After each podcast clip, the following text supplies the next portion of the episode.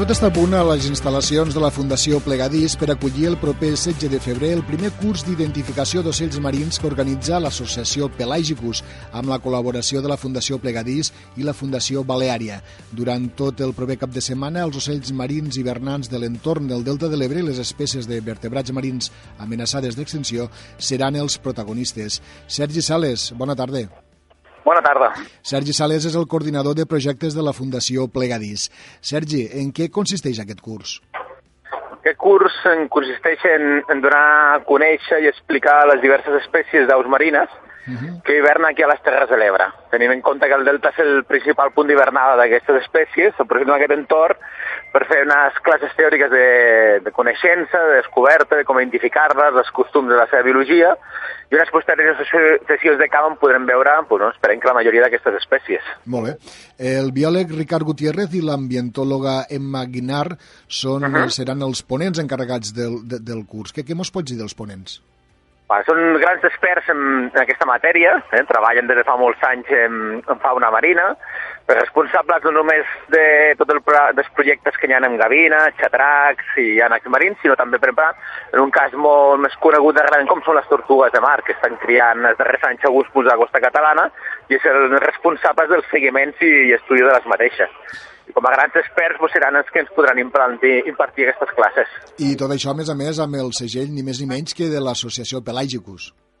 Exacte, és una nova, una nova associació amb l'objectiu d'estudiar de, i conservar aquestes espècies marines, moltes de les quals són molt desconegudes i afectades per, bueno, per totes les transformacions que estan llevant a, a nostres mars, i es porta sobretot en gent des de, tant des d'aquí de Principat de Catalunya com de les Illes Balears. De fet, la, una part important del, de l'alumnat ve de, de les illes. Uh -huh.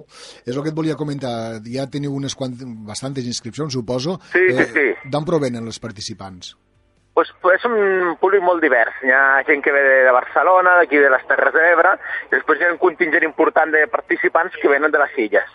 Molt bé. A l'hora també alguns participants de Castelló, bueno, gent molt implicada i interessada en descobrir aquestes espècies.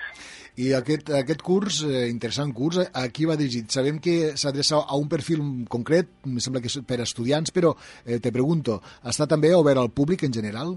I tant, està obert a tot tipus de públic. Qualsevol persona que tingui interès en descobrir, conèixer i augmentar els coneixements de, sobre aquestes espècies. Uh -huh. no, no exclusivament per, per estudiants. I la pregunta, eh, hi ha temps encara? Hi ha places per a poder inscriure's? Sí, sí encara hi hauria possibilitat d'inscriure's al, als propi web de Pelagicus, uh -huh. o si no, contactant amb la Fundació Plegadis, encara estaríem a temps d'executar de, la, la inscripció.